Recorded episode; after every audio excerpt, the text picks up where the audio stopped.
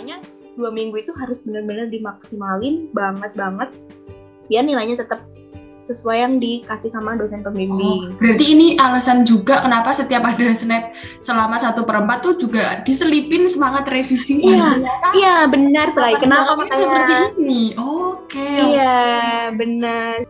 Halo teman-teman pendengar Stokastik. Kembali lagi di episode Baca Stokastik part 2.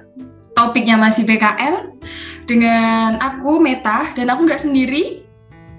Aku bersama Halo, aku Nurita.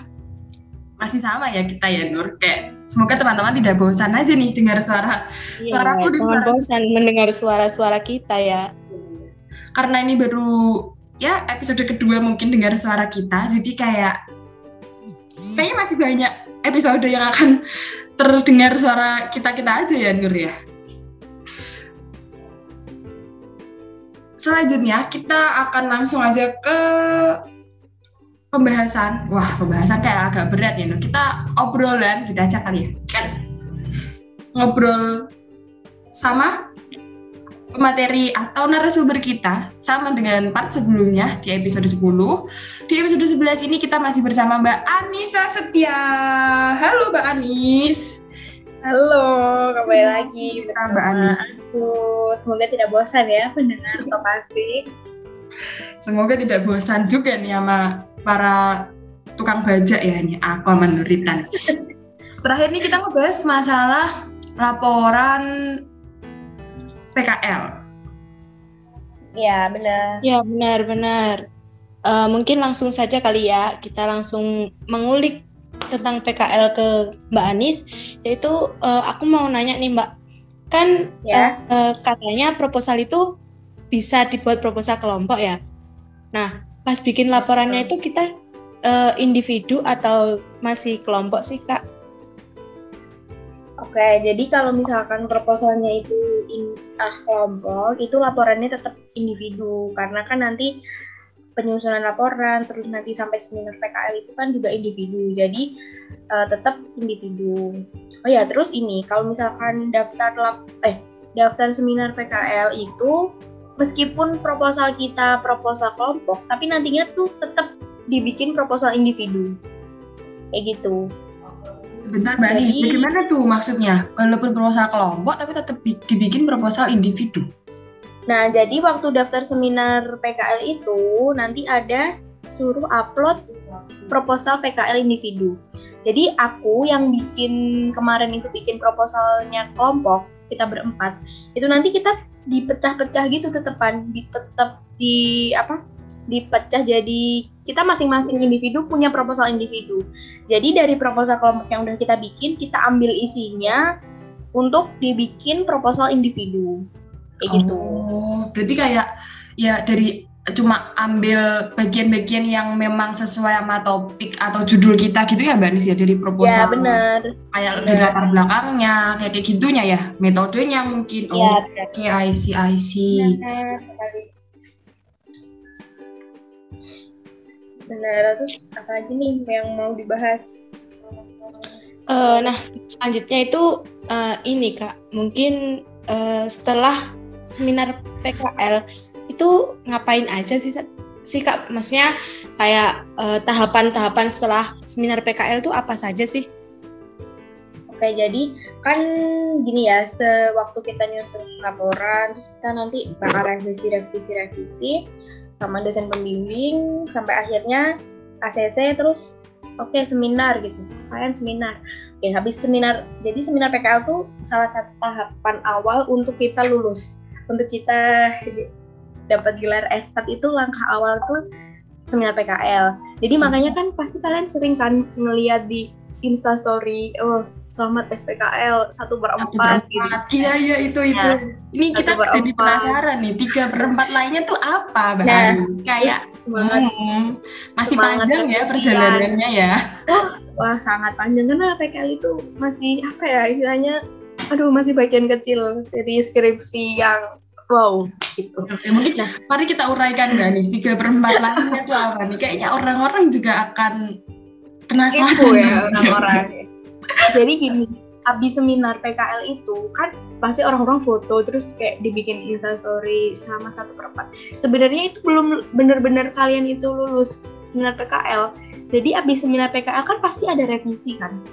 Entah itu revisi, entah itu revisi dari dosen pembimbing atau revisi dari temen-temennya. Nah itu tuh harus diselesaikan dua minggu. Jadi selama dua minggu itu maksimal biar nilai kamu itu tetap yang dikasih gitu. Misalkan dosen dosen aku ngasih nilai A gitu. Terus uh, jadi untuk revisi dua minggu selama dua minggu itu nilai aku bakalan tetap A. Tapi kalau misalkan aku dikasih nilai A, terus abis itu aku revisinya itu lebih dari dua minggu, misalkan tiga minggu, itu nanti nilaiku bakalan turun satu tingkat. Jadi dari A hmm. nilaiku jadi B plus kayak gitu. Makanya dua minggu itu harus benar-benar dimaksimalin banget banget biar nilainya tetap sesuai yang dikasih sama dosen pembimbing. Oh, berarti ini alasan juga kenapa setiap ada snap selama satu perempat tuh juga diselipin semangat revisi. Iya, iya benar sekali. Kenapa makanya seperti ini? Oke. Okay. Iya benar. Jadi ini mengulik di balik Insta Story ya judulnya ya. Jiwa-jiwa, jiwa-jiwa keponya ini kayak sepele sekali uh, kenapa ada tulisan bener. semangat revisian? Kenapa harus hmm. disupport sedemikian hingga nih revisian? Ternyata memang mempertaruhkan nilai yang sudah hmm. diberikan. Benar sekali. Terus ini aku mau ngasih informasi juga kalau PKL itu dosen pembimbing itu bakalan sekaligus jadi dosen penguji saat seminar PKL jadi cuma satu aja dosennya. Gitu. Beda sama skripsi ya. Kalau skripsi hmm. nggak hmm. cuma satu gitu nanti kita bahas. Oke, okay. terus uh, udah semangat revisian yaitu selama dua minggu harus benar-benar di apa ya dua minggu tuh menurutku waktu yang sangat lama kok untuk merevisi itu karena pasti kan sebelum sebelumnya udah direvisi kan sebelum seminar jadi revisiannya itu ya insya Allah tinggal sedikit gitu. terus uh, untuk itu kan satu perempat nah semangat untuk tiga perempat lainnya itu tiga perempat lainnya itu yang abis seminar PKL itu ada uh, seminar proposal. Ini udah masuk skripsi ya, ini udah tahapan skripsi bukan PKL lagi. PKL udah selesai, PKL udah cuma sampai seminar PKL udah selesai. Kalau setelah seminar PKL itu ada seminar proposal skripsi, sempro. Terus ada habis sempro itu seminar hasil, seminar hasil skripsi. Terus yang terakhir ini sedang skripsi itu biasanya disebut disebut kompre ujian kompre kayak gitu. Oh jadi jadi pada dasarnya cuma PKL dan skripsi. Bedanya kalau PKL yeah. ini cuma satu tahapan seminar. Kalau skripsi ini harus melewati si tiga tadi si sempro si sebhas dan yang terakhir kompre tadi. Begitu ya mbak Anis ya? Iya benar benar benar. Wow. Nah, jadi ada empat empat tahap untuk menjadi estat. Oke. Okay. Tapi kalau kalau kalau kalau PKL kan ini spesifik membahas PKL kan ya Mbak Nis. Kalau di skripsi ini kan tadi ada tiga tahap. Apakah tiap tahapnya itu juga beda-beda apa ya semacam pembahasannya mungkin atau bab satu dulu mungkin ini aku sama sekali nggak ngerti ya Mbak Anis ya mungkin boleh didetilin sekalian di Mbak Anis buat teman-teman yang mendengarkan nih biar ya setidaknya bantulah para kating-kating beri semangat. Oke, okay, mungkin nggak apa-apa ya kalian mungkin masih terbayang-bayang. Nggak apa-apa, aku dulu juga waktu semester-semester itu juga terbayang-bayang tapi tidak melakukan apa-apa. jadi itu sering untuk terjadi, Nah, benar kan? Untuk seminar proposal itu, jadi kita bikin proposal skripsi. Kayak PKL dulu kan oh. sebelum kita PKL bikin proposal dulu kan bikin proposal Bedanya, skripsi. kalau PKL itu proposal skrip proposal PKL-nya nggak perlu nggak ada di seminarin kalau si proposal skripsi ini ada nih di sempro ya benar benar. Jadi kita harus mempresentasikan dulu. Kita tuh mau penelitian apa? Kita mau menganalisis apa? Kita mau mengangkat masalah apa sih untuk skripsi kita? Terus uh, apa ya tentang uh, misalkan nih skripsi kita tuh udah ada dari udah pernah dianalisis sama cutting ini gitu. Tapi apa sih yang membuat skripsi ini beda dari skripsi cutting gitu? Kita tuh mau mengembangkan seperti apa? Misalkan kita mengembangkan atau kita punya sesuatu yang baru nih untuk skripsi kita. kayak gitu karena kan skripsi nggak boleh sama kan harus Ya, beda betul, betul. Nah, jadi kita apa ya ide kita lah ini istilahnya itu meng, meng- apa ya mempresentasikan ide kita ke dosen pembimbing sama dosen penguji kayak gitu. Nah, kalau di skripsi ini itu eh, di seminar proposal sempro itu dua dos ah satu dosen penguji. Jadi dosen pembimbingnya satu, dosen pengujinya satu. Kalau skripsi itu dosen pembimbing kalau sempro sama semhas ya itu dosen pembimbing tetap jadi dosen pembimbing dosen pengujinya dosen lain kayak gitu Oke. kalau sempro dosen pembimbing eh dosen pengujinya itu satu kalau semhas dua Oh, Terus tingkatannya Terus nanti kalau- ya Mbak Nis dilihat-lihat ya. iya iya benar nanti kalau kompre tiga jadi dosen pembimbing itu sekalian dosen penguji kayak Oh. gitu Kalau di Semhas itu kita mempresentasikan apa tuh Mbak Nis? Nah, kalau di Sembas itu kita mempresentasikan hasil dan pembahasan tentunya. Dari kita kan udah, misalkan kita udah penelitian, nah kita presentasi, udah analisis, udah penelitian, kita presentasiin di situ. Uh, Hasil dari rancangan proposal kita itu kita presentasiin. Kayak gitu sih. Kayak gitu. Kalau kompre itu, kompre itu ujian eh, materi-materi matkul-matkul stat yang udah pernah kita ambil selama ini. Jadi kayak kita ditanya-tanyain gitu, ditanya-tanyain eh, tentang mata kuliah, mata kuliah kayak begitu. Ah, yang Oh, untuk. Waduh, untuk apa? Oke. Nah, untuk kompres sendiri itu berarti lisan ya, Mbak? Ujiannya itu lisan ya? Atau tulis? Iya dong, lisan. Lisan dan disuruh menulis biasanya. Kadang tuh ada dosen yang "Eh, ya udah coba tuliskan persamaan ini eh, sebaran normal gitu, disuruh nulis gitu. Oh, kayak Menulis mungkin di kayak Zoom. pengujian rumus gitu ya? bukan kalau kompre tuh sebenarnya aku waktu pernah lihat itu dia kayak cuma suruh nulisin aja eh, fungsi sebaran normal tulis rumusnya tuh Hmm. Mungkin ini buat tapi ya kayak namanya semacam orang memastikan apakah bener paham atau enggak gitu gak sih Mbak Nis jatuhnya tuh kalau yang di ya, kompre ya? tapi tuh namanya orang ya dalam keadaan panik itu tuh pasti ngepleng gitu orangnya kayak hmm, sebenarnya dia tuh bisa tapi tiba-tiba hilang hilang ingatan Eh, apa pun bisa terjadi saat itu. kompre begitu ya jatuhnya ya Mbak. Sini tuh juga sering denger juga sih kayak eh, udah good prepare tapi waktu hari H ya ada aja tuh kendala ya kendala. namanya error ya namanya kan pasti ada errornya Terus yang sih. menarik lagi Mbak Nis kalau di eh, seminar PKL itu kan ada revisi yang dikasih tenggat dua minggu gitu ya. Kalau di menuju ke estat yang bagian skripsi-skripsi ini dari sempro sampai kompre itu apakah juga ada semacam revisi dan ada juga durasi pengerjaan revisinya Mbak Nis? untuk skripsi ya Ya, yang dari sempro sampai kompre itu. Eh, sepertinya iya untuk skripsi juga sama sih sepertinya.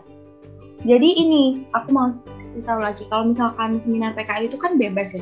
Waktunya itu nggak ada ketentuan. Misalkan kita mau seminar PKL seminggu setelah kita PKL udah selesai seminar Wah. nggak boleh. Tapi kalau sempro semhas itu tuh ada jadwalnya. Jadi dijadwalin waktu UTS sama UAS jadi nggak bisa sembarangan. Misalkan aku udah selesai nih sem- eh, proposal skripsiku sekarang. Minggu Oh. depan mau sempro itu nggak bisa. Jadi ada waktunya.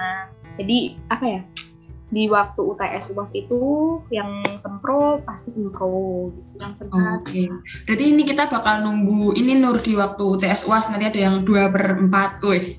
Mungkin Wah, iya.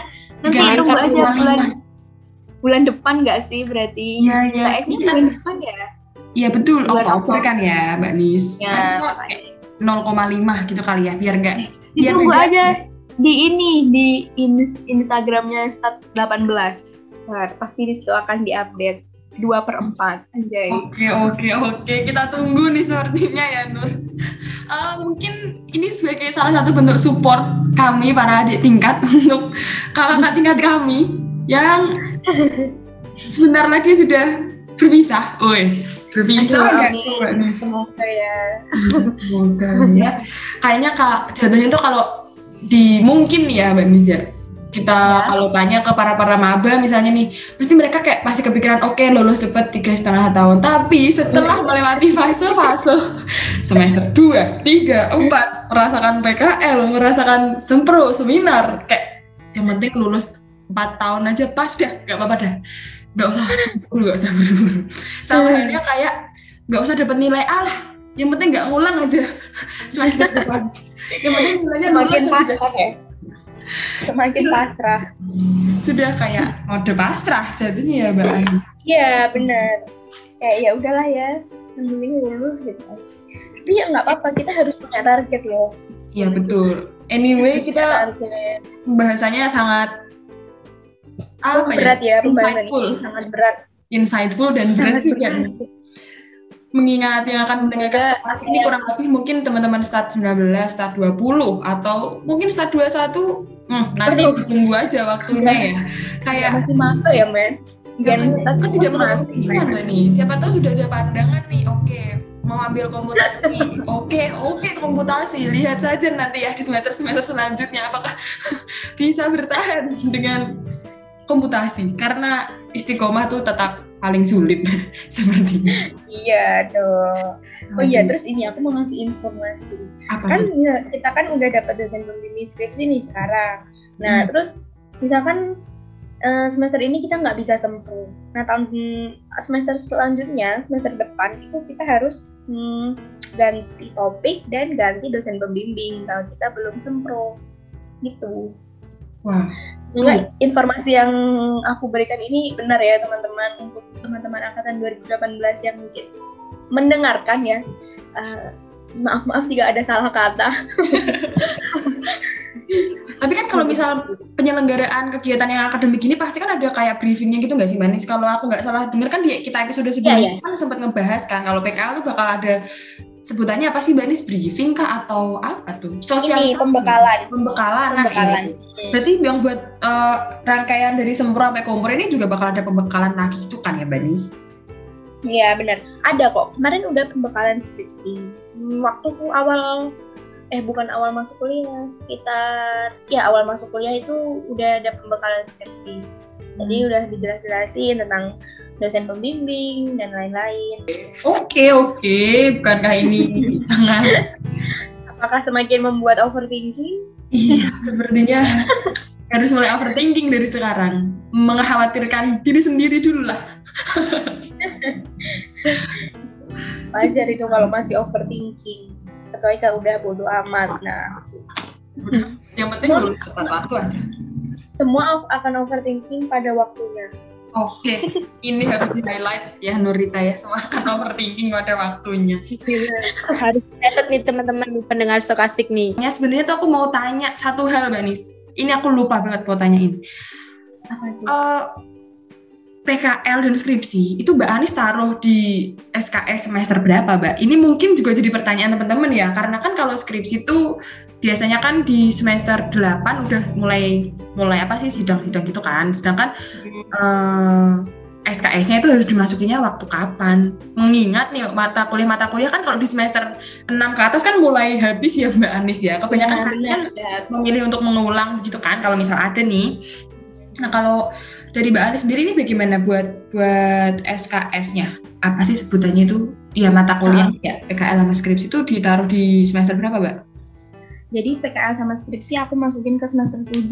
Jadi semester ini aku udah ambil PK skripsi. Kalau PKL tuh emang di semester 7. Meskipun kita menjalaninya itu di liburan semester 6 ke semester 7, tapi ngambil mat, apa ngambil SKS-nya itu di semester 7. Tujuh. Kalau skripsi Karena itu skripsi. minimal kita bisa ambil di semester 7 itu kalau SKS-nya minimal 120 kita udah bisa ambil skripsi kalau kurang dari 120 ya kita belum bisa ambil Belum bisa ambil. terus kalau skripsi terserah mau ambil semester 7 atau semester 8 terserah gitu selama syaratnya tadi terpenuhi ya boleh boleh Hmm. aja diambil gitu ya. benar sekali. Ya, ini sedikit informasi lagi di penghujung, benar-benar di ujung ini. Baru ingat sekali ya, ini mohon maaf ini mas.